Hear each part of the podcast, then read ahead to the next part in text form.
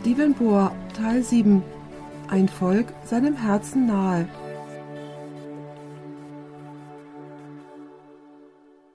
Lasst uns beten. Allmächtiger, herrlicher und immer gegenwärtiger Vater, welche Freude ist es, in deiner Gegenwart zu sein. Wir danken dir, Vater, dass wir uns als eine Einheit zusammen versammeln können, um dein heiliges Wort zu öffnen und von deiner Liebe zu lernen und um auch zu lernen, was du von uns als deinen Kindern erwartest. Wir bitten dich, Vater, wenn wir nun die Seiten deines heiligen Buches öffnen, dass der Heilige Geist durch den Dienst der Engel gegenwärtig sein möge. Ich bitte dich, Herr, dass du uns das Verstehen gibst, dass wir ordentlich und richtig das Wort der Wahrheit verfolgen.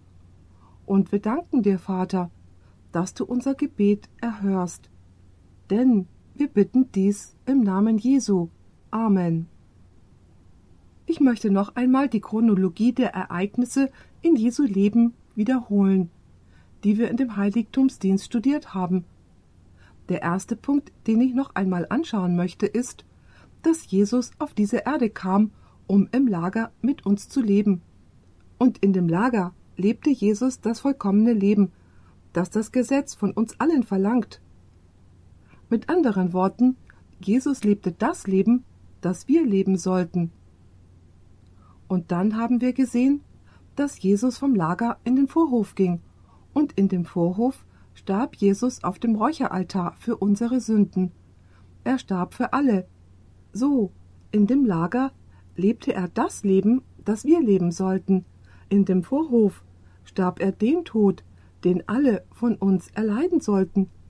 Und dann haben wir gesehen, dass Jesus am Wasserbecken auferstand. Das ist der zweite Gegenstand, der im Vorhof zu finden war. So auferstand er am Wasserbecken. Und dann sahen wir in unserem letzten Studium, dass Jesus die Erde verließ und betrat dann welche Abteilung des himmlischen Heiligtums? Er betrat das Heilige des himmlischen Heiligtums. Nun, zwischen der Auferstehung Jesu und seiner Himmelfahrt haben wir eine Zeitspanne von 40 Tagen. 40 Tage waren es von dem Zeitpunkt an, als Jesus auferstand, bis er in den Himmel auffuhr. Während er diese 40 Tage mit seinen Jüngern verbrachte, die Bibel schreibt davon, dass er mit ihnen darüber sprach, was das Reich Gottes betraf. Mit anderen Worten, er hat ihnen die Prophezeiungen der Bibel erklärt. Die Bibel erzählt uns, dass Jesus vom Ölberg in den Himmel auffuhr. Lasst uns die Beschreibung lesen, die uns die Bibel von der Himmelfahrt Jesu gibt, die 40 Tage nach seiner Auferstehung stattfand. Dies finden wir in der Apostelgeschichte 1, Verse 9 bis 11.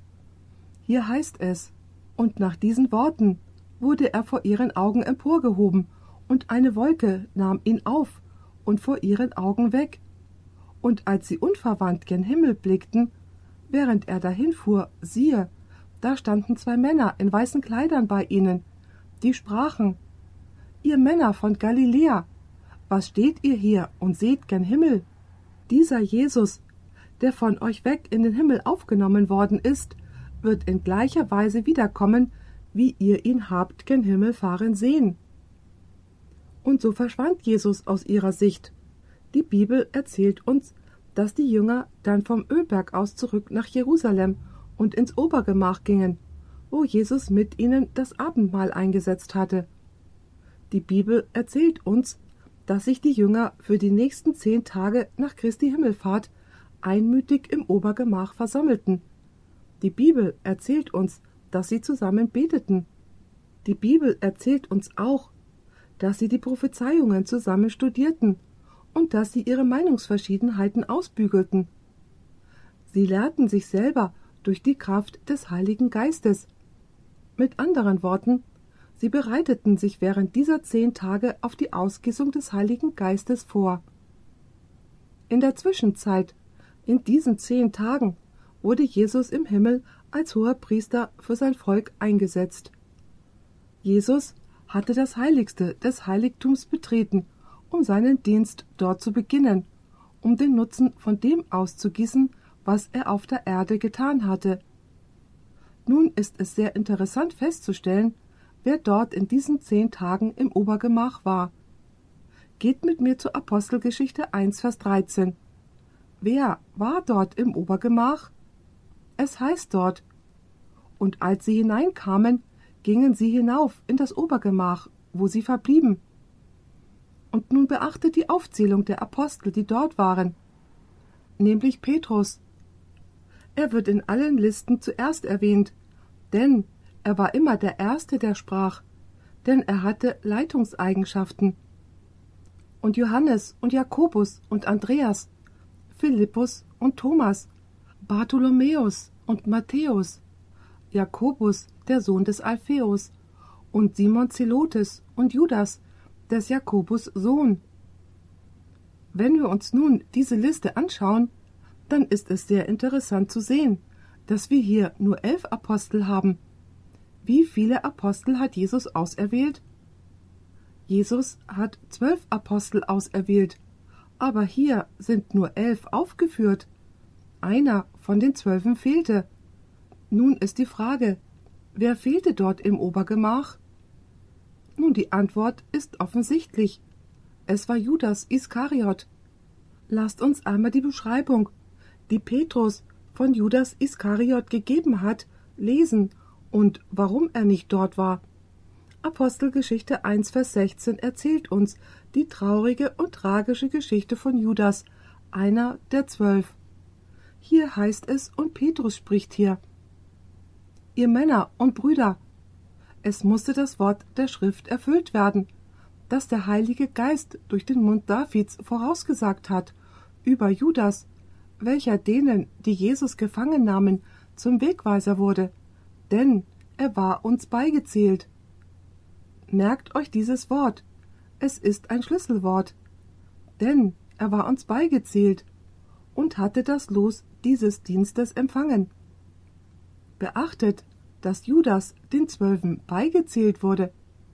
Das Wort beigezählt ist sehr, sehr wichtig. Nun beachtet, was er weiter in Vers 18 sagt. Dies ist eine mahnende Beschreibung, was mit Judas geschah. Dieser erwarb einen Acker aus dem Lohn der Ungerechtigkeit und stürzte kopfüber hinab, barst mitten entzwei, und alle seine Eingeweide traten heraus. Eine ziemlich ekelhafte Beschreibung. Vers 19 Und es wurde allen kund, die zu Jerusalem wohnen, so dass jener Acker in ihrer Sprache Akeldama genannt wurde, das heißt Blutacker. Es scheint, dass die Bibel sich bezüglich des Endes von Judas widerspricht, denn hier steht, er stürzte kopfüber hinab, barst mitten entzwei, und alle seine Eingeweide traten heraus. Andere Texte sagen, dass er ging und sich selber erhängte. So, wie wollt ihr diese zwei Aussagen miteinander versöhnen? Nun, Ellen White beschreibt auf schöne Weise, wie beide diese Aussagen wahr sind. Sie sagte im Leben Jesu auf Seite 719, dass Judas sich am Ast eines Baumes aufhängte. Mit anderen Worten, er warf den Strick über den Ast und er hängte sich selbst, und er war so schwer, dass der Ast abbrach und er fiel recht weit runter auf den Boden, und als er auf den Boden fiel, platzte sein Bauch auf und seine Eingeweide kamen heraus. Sie sagt, als Jesus dann später auf der Via Dolorosa entlang kam, um auf Golgatha zu sterben, dass die Leute entsetzt waren, als sie sahen, dass die Hunde die Eingeweide von Judas fraßen, und so war es, wie Judas sein Dasein beendete. Ich möchte, dass ihr beachtet, dass es nur elf Apostel waren, die sich im Obergemach befanden, weil Judas Selbstmord begangen hatte, und er wurde natürlich nicht mehr zu den Zwölfen gezählt. Nun müssen wir eine sehr wichtige Frage stellen, und die ist folgende. Nachdem Petrus die traurige, tragische Geschichte von Judas erzählte, teilte er den Jüngern mit, dass sie einen Nachfolger für Judas erwählen müssten. Sie mussten jemanden erwählen, der den Platz von Judas einnehmen würde. In der Tat sagte Petrus, dass dies absolut zwingend notwendig war. Sie mussten einen Apostel Nummer 12 wählen. Die Frage ist nun, warum Petrus gefühlt hat, dass sie einen Nachfolger oder einen Apostel Nummer 12 wählen mussten. Die Tatsache ist, dass Bibelprophetie es unumgänglich, also zwingend erforderlich macht, einen Nachfolger für Judas zu wählen. Mit anderen Worten, Petrus und die Jünger haben Bibelprophetie studiert und sie wussten, dass die Bibelprophetie voraussagte, was mit Judas passieren würde und dass sie auch voraussagte, dass jemand sein Amt einnehmen müsste, jemand musste seinen Platz einnehmen. Lasst uns das in Apostelgeschichte 1, Vers 16 lesen. Petrus spricht noch immer und er sagt, Ihr Männer und Brüder, und nun beachtet Folgendes. Es musste das Wort der Schrift erfüllt werden, das der Heilige Geist durch den Mund Davids vorausgesagt hat über Judas, welcher denen, die Jesus gefangen nahmen, zum Wegweiser wurde. Musste die Prophetie erfüllt werden? Ja oder nein? Petrus sagte, dass dies nicht zur Wahl stand, dies musste geschehen. Der Heilige Geist sagte, es müsse geschehen. Lasst uns nun zu Vers 20 gehen und sehen, welche Prophezeiungen, die David aufschrieb, es zwingend notwendig gemacht haben, dass ein Nachfolger für Judas gewählt wurde. Vers 20 Denn es steht geschrieben im Buche der Psalmen. Seht ihr, daher kommt die Prophezeiung. Denn es steht geschrieben im Buche der Psalmen. Hier ist die Rede von Judas. Seine Behausung soll öde werden und niemand soll darin wohnen. Mit anderen Worten, das bedeutete, dass er nicht mehr länger in sein Haus zurückkehren würde. Diese Prophezeiung ist in Psalm 69, Vers 25. Aber es gibt noch eine weitere Prophezeiung und die ist in Psalm 109, Verse 7 und 8 und sagt aus, dass sein Platz von jemand anderen eingenommen werden musste. In der Tat heißt es, sein Amt empfange ein anderer. Und der Grund, warum Petrus gefühlt hat, dass es unumgänglich, also zwingend notwendig war, dass ein Nachfolger für Judas ernannt werden musste, weil die Prophezeiung vorhersagte, was mit Judas geschehen würde, und die Prophezeiung machte es unumgänglich, jemanden zu erwählen, der sein Amt einnehmen würde. Nun, es gibt diesen Mythos, den manche Christen haben, und das ist der, dass die Jünger im Obergemach sich sehr damit beeilt haben, einen Nachfolger für Judas zu wählen. In der Tat aber dachten sie, dass es Gottes Plan war, dass sie ein bisschen warten und absichtlich noch länger dafür beten, bevor sie denjenigen wählten, den sie dann erwählten. In der Tat denken viele dieser Christen, dass es der Apostel Paulus war, der Apostel Nummer zwölf sein sollte. Aber die Apostel, na ja, beeilten sich und wählten Matthias, wo dies doch nicht in Übereinstimmung mit Gottes Plan war. So wird zumindest argumentiert. Aber ich unterstütze es, dass dies nicht wahr ist. Dies ist ein Mythos. Anders ausgedrückt, dies ist eine unberechtigte Annahme, dass Gott wollte, dass Saulus von Tarsus der zwölfte Apostel werden würde. Die Tatsache ist, dass der Apostel, der erwählt wurde, genau der war, den Gott erwählt haben wollte. Jetzt fragt ihr vielleicht, wie können wir das wissen? Aus drei Gründen.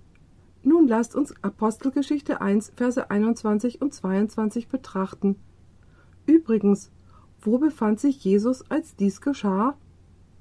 Wo ist Jesus während dieser zehn Tage? Jesus ist im Heiligen. Und was geschieht dort? Jesus wurde mit allem ausgestattet und vorbereitet, um seinen Dienst am Pfingsttag als was zu beginnen? Als hoher Priester, um den Nutzen seiner Versöhnung auszugießen. Beachtet Apostelgeschichte 1, Verse 21 und 22. Hier ist die Qualifikation, die für den Nachfolger von Judas benötigt wurde. Petrus spricht. So muss nun von den Männern, die mit uns gegangen sind, die ganze Zeit über, da der Herr Jesus unter uns ein und ausging, von der Taufe des Johannes an bis zu dem Tage, da er von uns hinweggenommen wurde, einer von diesen muss mit uns Zeuge seiner Auferstehung werden. Was war die Qualifikation, die unbedingt notwendig war? Es musste jemand sein, der bei den Aposteln war, von der Predigt des Johannes des Täufers an, bis wann? Bis Jesus auferstand und in den Himmel gefahren ist. Frage. Wird Saulus von Tarsus dieser Anforderung gerecht? Ganz und gar nicht. Hier ist der zweite Grund. Es gibt drei Gründe, die ich mit euch teilen möchte. Hier ist der zweite. Tatsache ist, dass die Aufzeichnungen der Bibel uns erzählen, dass die Jünger, die Apostel, die richtige Durchführung verfolgten. Apostelgeschichte 1, Vers 24 bis 26. Wie heißt es hier? Sie beteten und sprachen: Herr, du Kenner aller Herzen, zeige an, welche von diesen beiden du erwählt hast. Was steht dort? Welche von diesen beiden du erwählt hast, das Los dieses Dienstes und Apostelamtes zu empfangen, von welchem Judas abgetreten ist, um hinzugehen an seinen Ort. Sie warfen das Los. Das war die Art und Weise, wie sie es in der Zeit der Bibel getan haben. Und sie gaben ihnen Lose, und das Los fiel auf Matthias. Jetzt beachtet diese sehr wichtige Aussage. Er wurde was? Und er wurde zu den elf Aposteln hinzugewählt. Nun erinnert ihr euch, dass Judas den Zwölfen beigezählt wurde? Und hier steht, als Matthias ausgewählt wurde, wurde er zu den elf Aposteln hinzugewählt. Ist die Zahl zwölf äußerst wichtig? Ganz bestimmt, gemäß der biblischen Aufzeichnung. Es gibt einen dritten Grund, wie wir wissen können, dass Matthias Gottes Wahl war. Und das ist eine Aussage, die von Ellen White als Bestätigung für das, was wir in der Schrift lesen, geschrieben wurde. Wisst ihr, zuerst lesen wir es in der Schrift, und dann gehen wir zu Ellen White und schauen, was sie darüber zu sagen hat. Ellen White fügt nichts zur Schrift hinzu, was mit den biblischen Grundlagen nicht übereinstimmen würde. Sie ist keine andere Bibel, sie fügt keine Informationen hinzu, die sich nicht in der Bibel befindet. Sie verstärkt, vereinfacht und erklärt einfach nur und hilft uns besser zu verstehen, was sich in der Bibel befindet. Beachtet, was sie in Spirit of Prophecy, zu Deutsch Geist der Weissagung, Band 3 auf Seite 264 sagt. Hört gut zu. Zwei Männer wurden erwählt, die in der sorgfältigen Beurteilung der Gläubigen. In der was? Die in der sorgfältigen Beurteilung der Gläubigen am besten für die Stelle qualifiziert waren. Aber die Jünger misstrauten ihrer eigenen Fähigkeit, diese Frage weiter zu entscheiden, und haben dies demjenigen übergeben, der alle Herzen kennt. Sie suchten den Herrn im Gebet auf, um ganz sicher festzustellen, welche der beiden Männer für diese Vertrauensposition als ein Apostel Christi geeigneter wäre. Und nun hört aufmerksam zu. Der Geist Gottes erwählte Matthias für das Amt. Wer erwählte Matthias für das Amt? Der Geist Gottes erwählte Matthias für das Amt. Nun, war es Gottes Plan, dass Matthias den anderen elf Aposteln beigezählt wurde? Ganz bestimmt aus den drei Gründen, die ich erwähnt habe. Jetzt lasst uns wiederholen. Zwei Punkte, die wir bisher betrachtet haben. Zwei Schlüsselpunkte. Punkt 1 ist, die Prophezeiung des Alten Testaments hatte bekannt gegeben, dass Judas abfallen würde. Und sie hatte auch gesagt, dass ein Nachfolger gewählt werden müsste. Der zweite Punkt ist, dass die Jünger die richtigen Schritte in der Erwählung des Nachfolgers für Judas verfolgten. Aber jetzt müssen wir eine weitere wichtige Frage stellen. Wir haben schon die Frage gestellt, warum sie fühlten, dass sie einen Nachfolger wählen sollten. Nun, weil die Prophezeiung das so gesagt hat. Aber hier ist eine sehr wichtige Frage. Warum fühlten die Apostel, dass sie einen Nachfolger für Judas vor dem Pfingsttag wählen sollten? Versteht ihr den Unterschied zwischen der ersten und der zweiten Frage? Warum nicht noch ein bisschen warten? Versteht ihr? Warum nicht beten und Gottes Wort zusammen studieren und darauf warten, bis Gott seinen Heiligen Geist ausgießt? Und nachdem Gott seinen Heiligen Geist ausgegossen hat, dann könnten sie noch ein bisschen länger brauchen, mehr beten und vielleicht herausfinden, was Gottes Wille war. Warum haben sie gefühlt, dass es dringend war, noch unbedingt einen Nachfolger für Judas zu benennen, bevor der Pfingsttag gekommen wäre? Warum fühlten sie, dass es unbedingt erforderlich war, Nummer zwölf zu erwählen, um ihn zu den anderen elf Aposteln zu zählen, bevor der Heilige Geist am Pfingsttag ausgegossen wurde? Die Tatsache ist, und ihr werdet es in den nächsten Minuten sehen, dass wenn die Bibel Einzelheiten hat, jede Einzelheit sehr, sehr wichtig ist. Was wir jetzt studieren werden, beweist, mir zumindest, dass die Bibel keine Einzelheit übersieht, sondern, wenn man sie aufmerksam studiert, findet man einen Grund für jede Bibelaussage. Warum Dinge getan wurden, auf die Art und Weise, wie sie getan wurden und wann sie getan wurden und warum sie auf gewisse Art und Weise getan wurden. Nun, um zu verstehen, warum sie fühlten, dass es absolut dringend war, einen Nachfolger für Judas zu wählen, bevor der Heilige Geist am Pfingsttag ausgegossen wurde, müssen wir die Wichtigkeit der Zahl zwölf in der Bibel verstehen. Was müssen wir verstehen? Die Wichtigkeit der Zahl zwölf. Es mussten zwölf sein. Judas wurde den Zwölfen beigezählt. Matthias wurde den Zwölfen beigezählt. Die Zahl zwölf ist äußerst wichtig. Was aber stellt die Zahl zwölf dar? Nun geht mit mir zur Offenbarung 12, Vers 1. Das ist ein Vers, den wir uns später im Seminar noch ein bisschen genauer anschauen werden. Aber jetzt möchte ich nur zwei Punkte in diesem Vers unterstreichen. Offenbarung 12, Vers 1 sagt, Und ein großes Zeichen erschien im Himmel, ein Weib. Ein was? Ein Weib mit der Sonne bekleidet und der Mond unter ihren Füßen und auf ihrem Haupte eine Krone mit dreizehn Sternen. Nein, so steht es dort nicht. Es heißt richtig. Und auf ihrem Haupte eine Krone mit zwölf Sternen. Nun möchte ich euch diese Frage stellen. Was stellt diese Frau dar? Die Frau stellt die Kirche dar. Nun ist die Frage, wie können wir wissen, dass in symbolischer Prophetie eine Frau eine Kirche darstellt.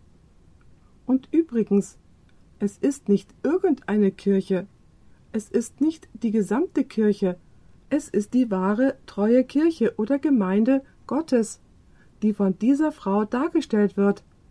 Ihr fragt, wie weißt du das? Lasst uns diese zwei Verse vergleichen. Den einen finden wir in Daniel 7, Vers 25 und der andere ist in Offenbarung 12, Verse 13 und 14. Wir werden diese beiden Verse miteinander vergleichen, um festzustellen, was mit dieser Frau in Offenbarung 12, Vers 1 gemeint ist. Wisst ihr, wenn ich frage, was die Frau in der Prophetie darstellt, dann ist die Antwort immer Oh, die Gemeinde. Und für gewöhnlich benutzen wir Epheser 5, Vers 25, wo es heißt Ihr Männer, liebet eure Frauen, gleich wie auch Christus die Gemeinde geliebt und sich selbst für sie hingegeben hat. Und das ist ein guter Vers. Aber wisst ihr, wir müssen noch nicht einmal Daniel und Offenbarung verlassen, um zu entdecken, was eine Frau in der Prophetie darstellt. Denn Daniel und Offenbarung erklären selber, was eine Frau symbolisiert. Nun geht mit mir zu Daniel 7, Vers 25. Dies ist eine Prophezeiung, die wir noch in diesem Seminar studieren werden. Hier ist die Rede vom kleinen Horn. Was stellt das kleine Horn dar? Welche Macht stellt das kleine Horn dar? Es stellt die römische Kirche, das römisch-katholische Papsttum dar. Beachtet nun Daniel 7, Vers 25. Und er wird freche Reden gegen den Höchsten führen. Jetzt kommt eine sehr wichtige Einzelheit. Was wird er tun? Und die Heiligen des Allerhöchsten bedrücken und wird sich unterstehen, Festzeiten und Gesetz zu ändern. Und die Frage ist jetzt, wie lange werden die Heiligen von dieser Macht verfolgt werden? Beachtet, und sie werden in seine Gewalt gegeben sein, eine Zeit, zwei Zeiten und eine halbe Zeit. Wer war es, der die Heiligen eine Zeit, zwei Zeiten und eine halbe Zeit verfolgt hat? Das kleine Horn, nicht wahr? Aber nun lasst uns zu Offenbarung 12, Verse 13 und 14 gehen. Dies ist eine Parallelprophezeiung, und ich möchte, dass ihr hier etwas ganz Besonderes seht. Es heißt hier in Offenbarung 12, Vers 13. Und als der Drache sah, dass er auf die Erde geworfen war, nun hört gut zu, verfolgte er. Wen verfolgte er? Das Weib, in Daniel 7 ist das kleine Horn, das die Heiligen verfolgt. Die Heiligen, richtig? Habt ihr das gesehen? In Daniel 7 verfolgt das kleine Horn die Heiligen. Und wen verfolgt hier der Drache? Die Frau. Aber jetzt sagt ihr, wie weißt du, dass die Frau das gleiche ist wie die Heiligen? Lasst uns weiterlesen. Und als der Drache sah, dass er auf die Erde geworfen war, verfolgte er das Weib, welches den Knaben geboren hatte. Und es wurden dem Weibe zwei Flügel des großen Adlers gegeben, damit sie in die Wüste flöge an ihre Stätte, wo selbst sie ernährt wird, eine Zeit und zwei Zeiten und eine halbe Zeit, fern von dem Angesicht der Schlange. Erkennt ihr die Parallele hier? In Daniel 7 ist es das kleine Horn, das wen verfolgt? Die Heiligen. Wie lange? Eine Zeit und zwei Zeiten und eine halbe Zeit. In Offenbarung 12 ist es der Drache, der wen verfolgt? Die Frau. Für eine Zeit, zwei Zeiten und eine halbe Zeit. Nun ist die Frage, was stellt die Frau dar? Sie stellt gemäß Daniel 7 was da? Die Heiligen. Erkennt ihr die Parallele? So, die Frau stellt die Heiligen dar. Nun, ist diese Frau nur eine Kirche im Allgemeinen treu und untreu? Nein, sie stellt die treue Gemeinde Jesu Christi dar. Die Frau stellt also was dar? Die Frau stellt die Heiligen dar. Jetzt müssen wir die Frage stellen, welchen Zeitabschnitt der Geschichte von Gottes Volk stellt diese Frau in Offenbarung Kapitel 12 dar? Hatte Gott ein Volk im Alten Testament? Wie hieß sein Volk im Alten Testament? Israel. Hat er ein Volk des Neuen Testaments? Ja. Wie wird es genannt? Die christliche Gemeinde. Wir haben zwei Zeitabschnitte. Gott hat sein Volk vom Alten Testament und er hat sein Volk vom Neuen Testament. Welcher Zeitabschnitt wird in Offenbarung 2, Vers 1 beschrieben? Die treue Gemeinde des Alten Testaments oder die treue Gemeinde des Neuen Testaments? Die Tatsache ist, dass Offenbarung 12, Vers 1 die treue Gemeinde des Neuen Testaments beschreibt. Und ihr fragt, wie weißt du das? Nun, lasst uns zurückgehen zu Offenbarung 12, Vers 1. Und ein großes Zeichen erschien am Himmel, ein Weib mit der Sonne bekleidet und der Mond unter ihren Füßen und auf ihrem Haupte eine Krone mit zwölf Sternen. Und wenn ihr dann Verse 2 und 3 liest, steht dort ganz klar, dass die Frau was in ihrem Leib hatte? Ein Kind. Sie hatte was für ein Kind? Ein männliches Kind in ihrem Leib, richtig? Und wen stellt dieses männliche Kind dar? Wer ist dieses männliche Kind? Das männliche Kind ist Jesus Christus. Und dann heißt es, dass der Drache neben der Frau steht, um das Kind zu verschlingen. Vers 4. Und der Drache stand vor dem Weibe, das gebären sollte, auf das, wenn sie geboren hätte, er ihr Kind verschlänge. Ich möchte euch was fragen. Gibt es die Frau, bevor das Kind geboren wurde? Natürlich. Also, welche Gemeinde ist es? Die Gemeinde des Neuen Testaments oder des Alten Testaments? Es muss die Gemeinde des Alten Testaments sein, denn ihr könnt keine Gemeinde des Neuen Testaments haben, ohne dass Jesus geboren worden ist. So, wenn Johannes sie in Offenbarung 12, Vers 1 sieht, ist dies die Gemeinde des Alten Testamentes. Im Übrigen bringt die Gemeinde des Alten Testaments Jesus auf die Welt? War Jesus ein Nachkomme von Abraham? Ja oder nein? War Jesus ein Nachkomme von David? Ja oder nein? Wurde Jesus von der treuen Gemeinde des Alten Testamentes geboren? Deswegen gibt es die Stammbäume in der Schrift. Die Stammbäume der Treuen des Alten Testaments, von denen Jesus Christus kommt. Könnt ihr mir bis hierher folgen?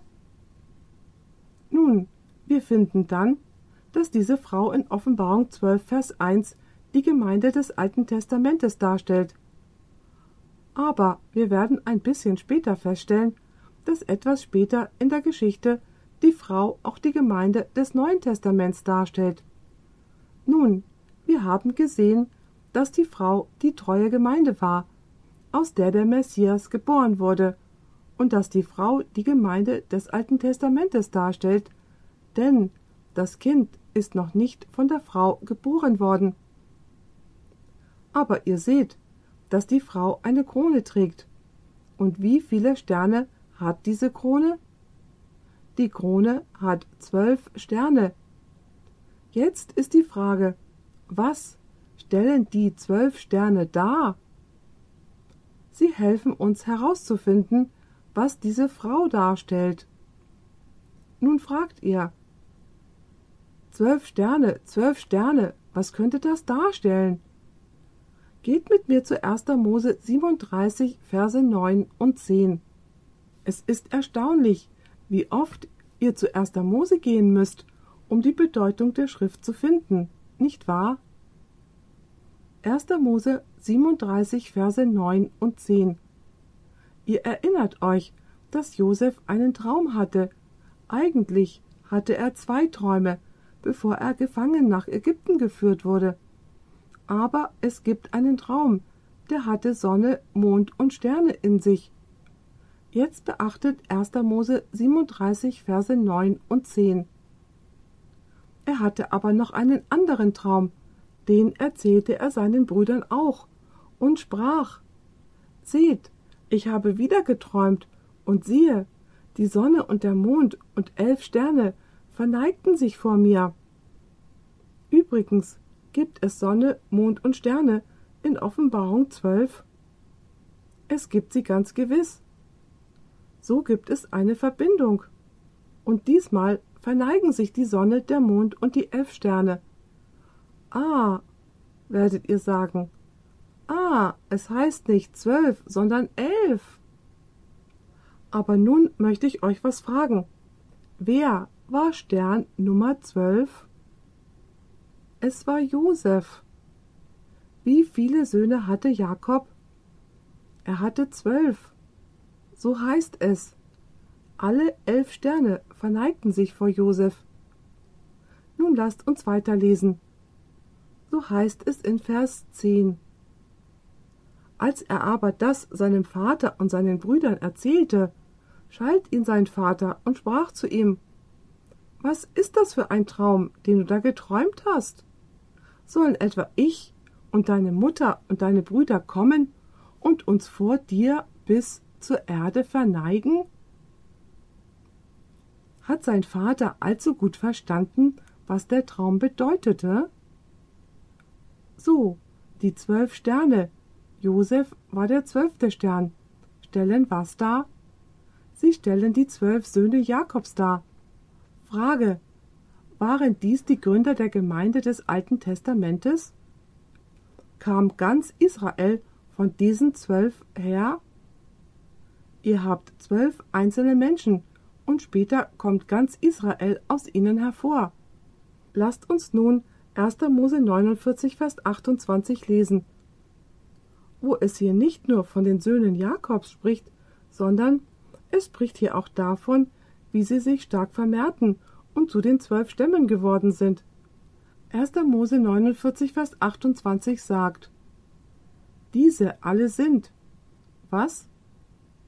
Diese zwölf Söhne sind die zwölf Stämme Israels, und dies ist, was ihr Vater von ihnen sagte, denn er gibt eine Beschreibung darüber, wie ihre Charaktere vor dem sind, und er segnete sie, jeden einzelnen, gemäß ihres Segens.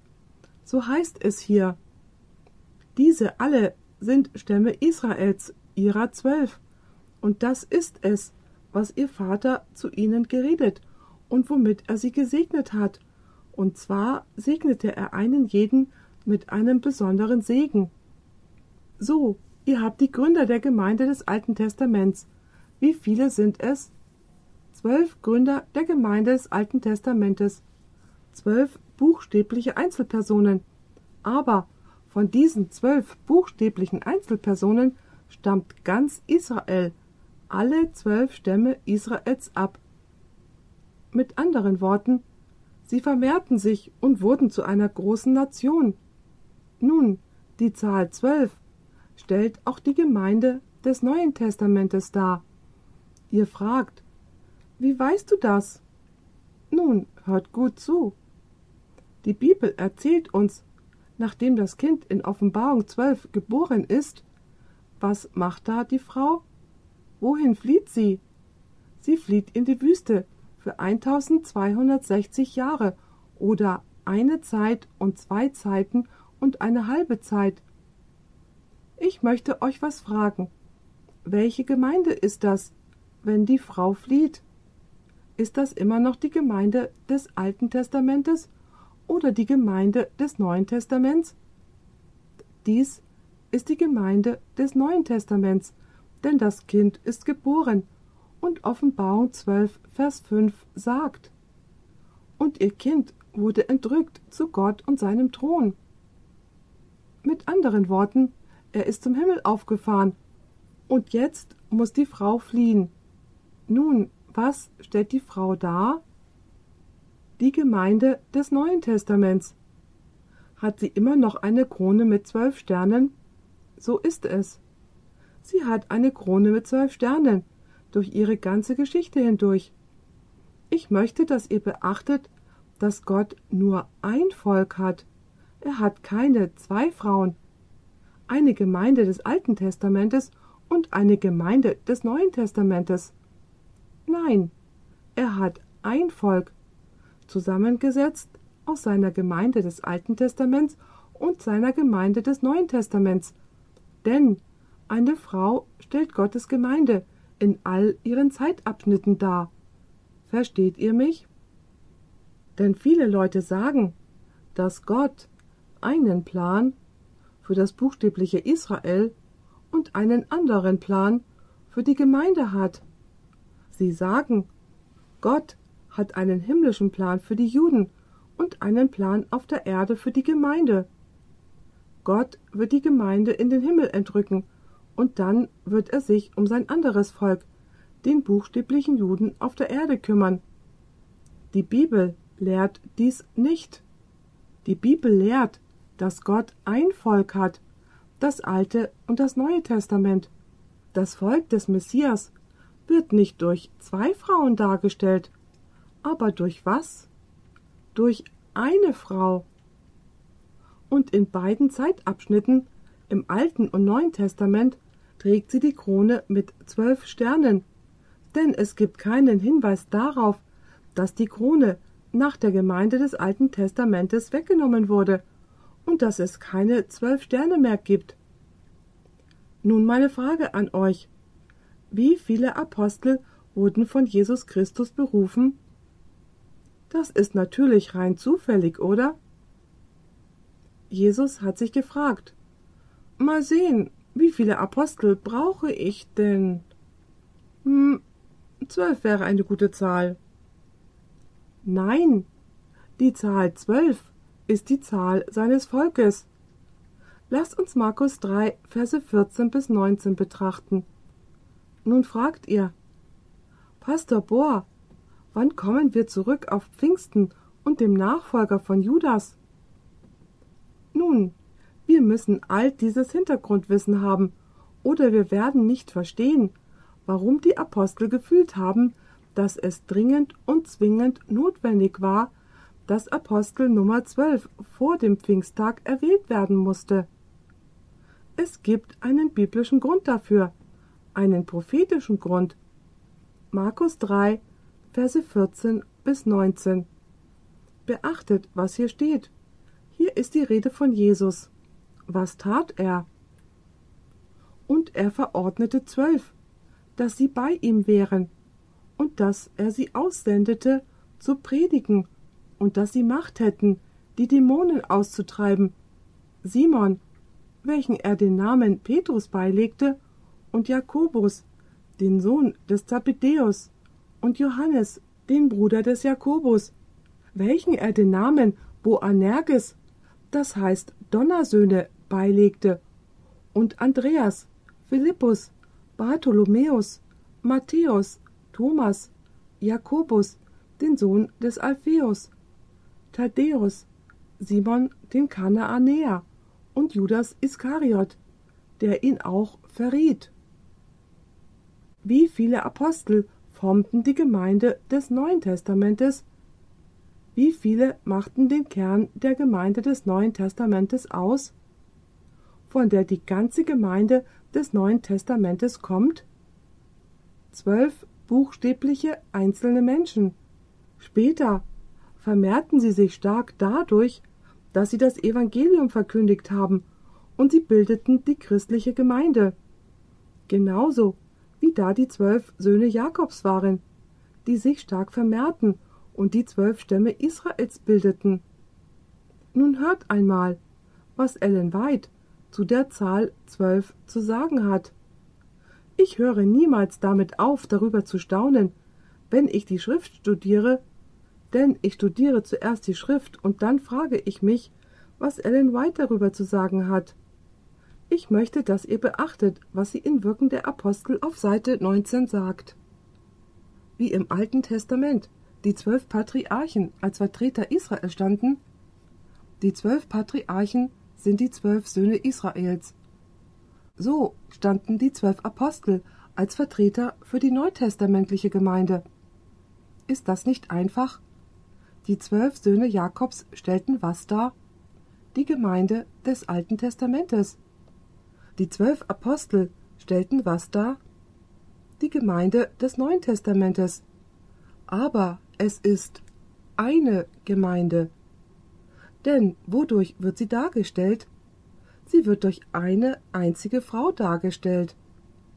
Nun müssen wir zu unserer ursprünglichen Frage zurückgehen. Warum haben die Apostel gefühlt, dass es dringend und zwingend notwendig war, dass ein Nachfolger für Judas erwählt werden müsste, bevor der Heilige Geist am Pfingsttag ausgegossen wurde?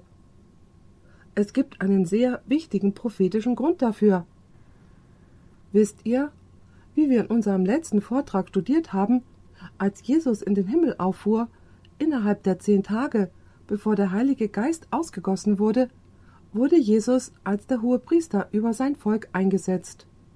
Mit anderen Worten, Jesus sitzt jetzt, wie die Bibel sagt, zu Rechten Gottes, um was zu geben?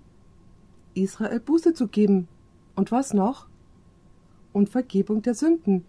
Anders gesagt, Jesus hatte seinen Fürsprecherdienst für diejenigen begonnen, die zu ihm im Glauben kommen, sein Leben und seinen Tod als ihren eigenen beanspruchen.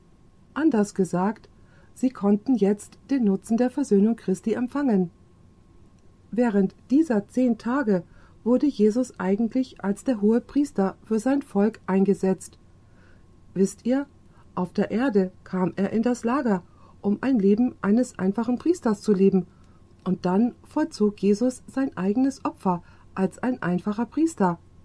Er auferstand am Wasserbecken als ein einfacher Priester. Aber jetzt, am Pfingsttag, wurde er als was eingesetzt? Als der Hohepriester über sein Volk. Und ihr fragt, wo sagt die Bibel dies? Nun geht mit mir zu Hebräer 8, Verse 1 und 2. Es heißt hier wie folgt. Die Hauptsache aber bei dem, was wir sagten, ist, wir haben einen solchen hohen Priester, der zu Rechten des Thrones der Majestät im Himmel sitzt, einen Diener des Heiligtums und der wahrhaftigen Stiftshütte, welche der Herr errichtet hat und nicht ein Mensch. Was machte Jesus im Himmel nach seiner Himmelfahrt? Er wurde was? Er wurde der hohe Priester. In welchem Heiligtum? Nicht die schattenhafte Kopie, aber in dem ursprünglichen Heiligtum. Jesus wurde während dieser zehn Tage als hoher Priester für sein Volk eingesetzt, und am Pfingsttag war die Ausgießung des Heiligen Geistes, die Ankündigung auf der Erde, dass das Heiligtum nun für den Versöhnungsdienst geöffnet wurde. Versteht ihr mich? Nun, hier kommt ein sehr wichtiger Punkt. Wenn Jesus nun hoher Priester sein sollte, musste er dann wie ein hoher Priester gekleidet sein? Ja oder nein? Würde er die Schärpe tragen, worauf steht Heiligkeit dem Herrn? Sicher. Würde er das farbenfrohe, schöne Gewand haben? Gewiss. Doch, was würde er noch haben? Er würde auch das Brustschild haben. Ich möchte aus der Schrift eine Beschreibung des Brustschildes lesen. 2. Mose 28, und lasst uns bei Vers 15 beginnen. Übrigens, für diejenigen, die sagen, dass Jesus direkt in das Allerheiligste ging, werde ich aus der Schrift lesen, dass er als hoher Priester in das Heilige ging. Die Schrift macht es ganz und gar klar, und wir wissen es auch aus der Offenbarung, dass Jesus zwischen den Leuchtern im Heiligen und nicht im Allerheiligsten umherging, und dass er auch dort war, wo der Räucheraltar stand. Aber hier in Kapitel 28 steht es eindeutig. Lasst uns nun mit Vers 15 zu lesen anfangen. Hier ist die Rede von dem Brustschild, das der hohe Priester über seinem Herzen trug. Es heißt hier die Brusttasche für den Rechtsspruch. Interessant. Die Brusttasche für was? Für den Rechtsspruch. Wessen Rechtsspruch hat Jesus getragen? Er trug unseren Rechtsspruch. Fuhr er auf in den Himmel, um uns vor dem Vater zu vertreten und zu sagen Vater, ich wurde an seiner Stelle verurteilt. Ich wurde an seiner Stelle verurteilt. Bitte, nimm ihn und sie anstelle des Geliebten an. Ganz gewiss, so heißt es hier. Die Brusttasche für den Rechtsspruch soll ein Kunstwerk sein, wie das Ephod, von Gold, aus Stoffen, von blauem und rotem Purpur und Karmesinfarbe und gezwirnter weißer Baumwolle. Viereckig soll es sein und zweifach, eine Spanne lang und eine Spanne breit, und du sollst es mit vier Reihen von Steinen besetzen. Die erste Reihe sei ein Rubin, ein Topas und ein Smaragd, die zweite Reihe ein Granat, ein Saphir und ein Diamant, die dritte Reihe ein Opal, ein Achat, ein Amethyst, die vierte Reihe ein Chrysolith, ein Shoham und ein Jaspis. In Gold sollen sie gefasst sein bei ihrer Einsetzung. Hier ist nun die Brusttasche. Wie viele Edelsteine sind darauf? Sie hat zwölf, nicht elf. Sie hat zwölf Edelsteine. Was stellen diese zwölf Edelsteine dar? Sie stellen Gottes was dar? Gottes Volk. vom Alten und vom Neuen Testament. Beachtet, wie es hier in Vers 21 weiter heißt, und hört euch das mal an. Und diese Steine sollen nach den zwölf Namen der Kinder Israel lauten. Was trägt Jesus also über seinem Herzen? Die Namen der zwölf Söhne Jakobs. Und was noch? Auch die zwölf Apostel des Lammes. Mit anderen Worten, wo hält Jesus sein Volk? Kostbar nahe seinem Herzen. Und es ist die Brusttasche des Rechtsspruches. Was trug Jesus an unserer Stelle? Er trug unseren Rechtsspruch. So heißt es in Vers 21. Und diese Steine sollen nach den zwölf Namen der Kinder Israel lauten und von Steinschneidern gestochen sein, ein Stein für jeden Namen der zwölf Stämme. Nun lasst uns zu Vers 29 gehen. Hört gut zu. Also soll Aaron. Übrigens, was war Aaron? Aaron war der hohe Priester. Also soll Aaron die Namen der Kinder Israel in dem Brustschild für die Rechtspflege. Wo sollte er sie tragen? Auf seinem Herzen tragen. Und jetzt hört genau zu.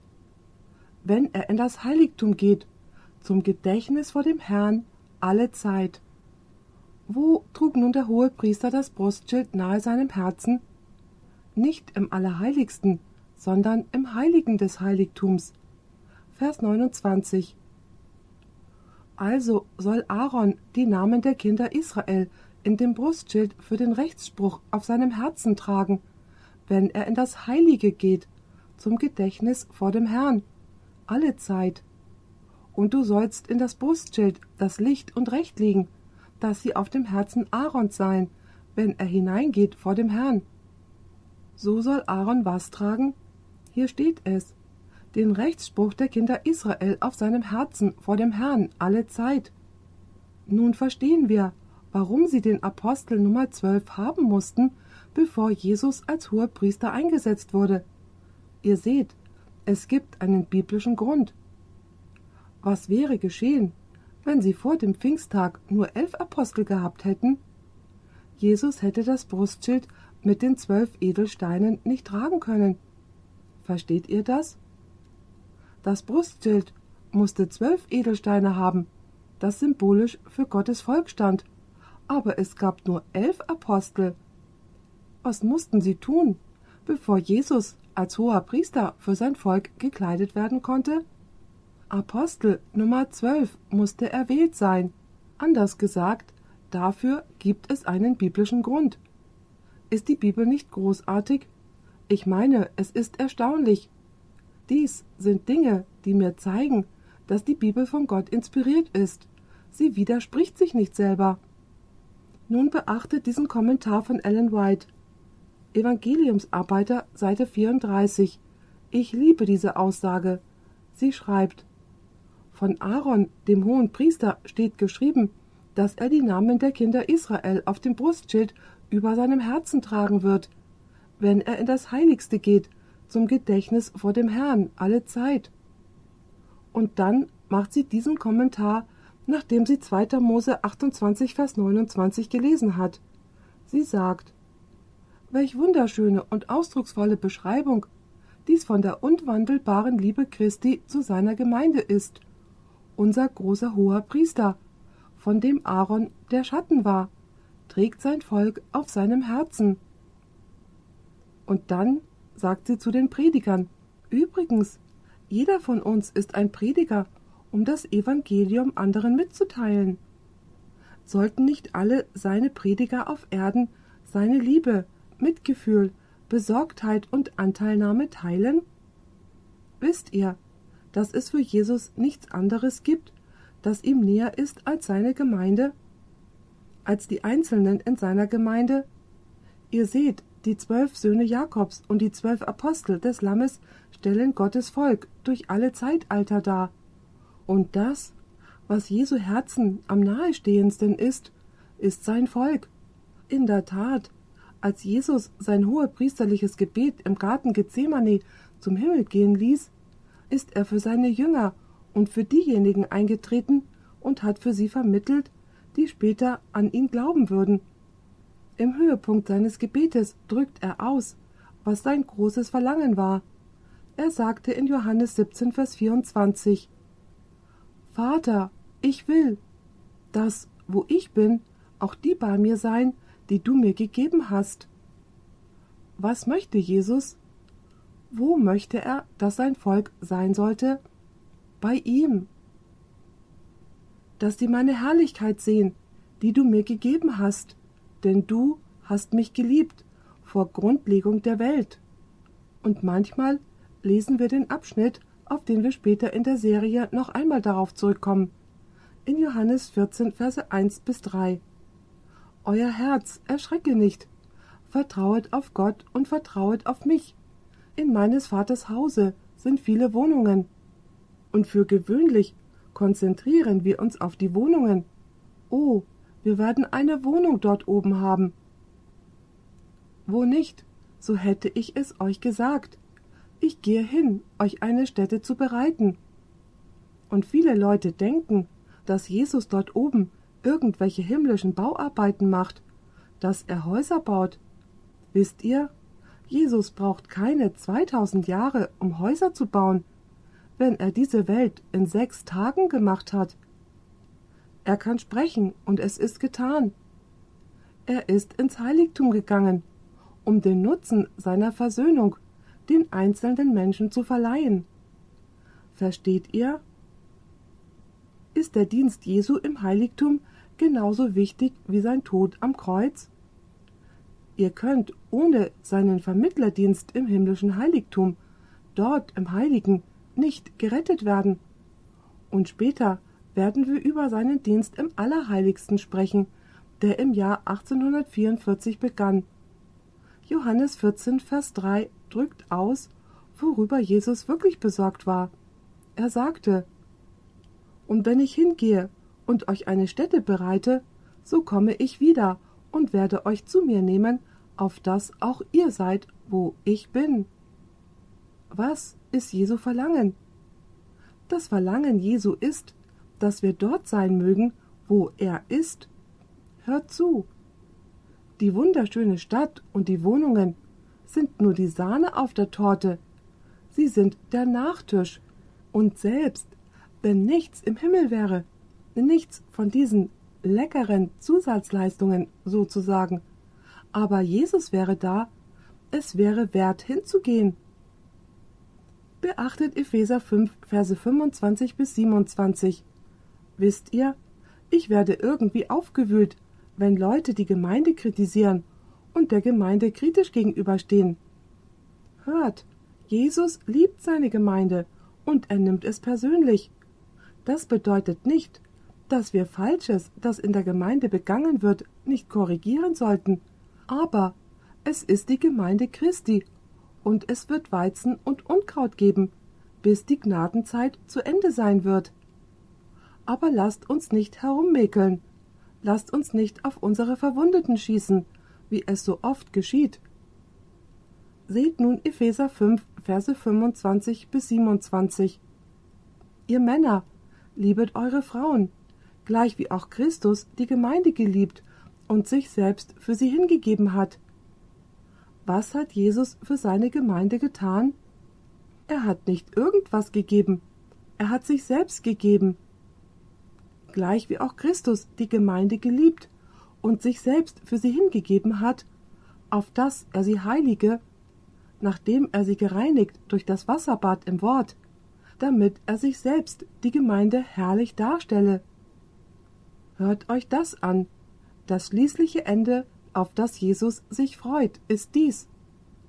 Damit er sich selbst die Gemeinde herrlich darstelle, so dass sie weder Flecken noch Runzel noch etwas ähnliches habe, sondern heilig sei und tadellos. Das ist der Grund, warum Ellen White in Zeugnisse für Prediger Seite 11 schrieb: Ich bezeuge meinen Brüdern und Schwestern, dass die Gemeinde Christi, wie geschwächt und fehlerhaft sie auch sein mag, der einzige Gegenstand auf Erden ist, dem seine größte Aufmerksamkeit gilt, während er an die ganze Welt seine Einladung zu ihm zu kommen und gerettet zu werden ergehen lässt, beauftragt er seine Engel, jeder Seele Hilfe zu bringen, die sich ihm in Reue und Bußfertigkeit naht. Durch seinen Heiligen Geist befindet er sich persönlich inmitten seiner Gemeinde. Was ich nun zum Schluss noch behandeln möchte, ist, dass unser Zuhause beides in Ewigkeit und auf der neuen Erde, das neue Jerusalem, die heilige Stadt sein wird. Ich möchte euch was fragen. Wird die Gemeinde des Alten und des Neuen Testamentes in der heiligen Stadt dargestellt? Lasst uns abschließen, indem wir zwei Verse lesen. Offenbarung 21, Vers 12. Hier ist die Rede von den Toren Jerusalems. Dies ist nicht das alte Jerusalem, dies ist das neue Jerusalem, und beachtet die Namen, die auf den Toren sind. Es heißt hier in Offenbarung 21, Vers 12. Und sie hat eine große und hohe Mauer und zwölf Tore, und auf den Toren zwölf Engel und Namen angeschrieben, nämlich die Namen der zwölf Stämme der Kinder Israel. Wird die Gemeinde des Alten Testamentes in der heiligen Stadt dargestellt? Ganz gewiss. Wie steht es mit der Gemeinde des Neuen Testamentes in der gleichen Stadt? Offenbarung 21, Vers 14. Und hier ist die Rede von dem Fundament der heiligen Stadt. Die Tore haben die Namen der Söhne Jakobs, aber die Fundamente haben andere Namen. Beachtet Offenbarung 21, Vers 14 und die Mauer der Stadt hat zwölf Grundsteine und auf ihnen die zwölf Namen der zwölf Apostel des Lammes. Eine Stadt, die das ganze Volk Gottes beinhaltet, die Heiligen des Alten Testamentes und die Heiligen des Neuen Testamentes. Jeder wird für immer in der Gegenwart Jesu Christi leben. Und die Bibel sagt, dass wir von Monat zu Monat kommen werden um von dem Lebensbaum zu essen. Und dass wir von Sabbat zu Sabbat kommen werden, um unseren wundervollen Schöpfer Jesus Christus anzubeten, und wir werden mit ihm für alle Zeit leben. In dem Land, wo es keinen Schmerz, kein Weinen, kein Leiden, keine Krankheit, keinen Tod mehr geben wird. Dieses Land, wo alles und für immer Freude sein wird. Und die größte Freude wird natürlich die Freude sein, die Ewigkeit mit unserem wunderbaren, geliebten Heiland Jesus Christus zu verbringen, der uns nicht nur etwas gegeben hat, aber er hat tatsächlich sich selber gegeben. Er hat sich uns nicht geliehen, er hat sich uns gegeben. Nicht nur für eine Zeit lang, sondern wir haben einen älteren Bruder, der durch die Ewigkeit auf dem Thron sitzt. Amen. Diese Aufnahme wurde von Audioverse präsentiert, eine Internetseite, die sich der Verbreitung des Wortes Gottes unter anderem durch kostenlose Predigtaufnahmen widmet. Für mehr Informationen über Audioverse und für weitere Predigten empfehlen wir unsere Internetseite www.audioverse.org.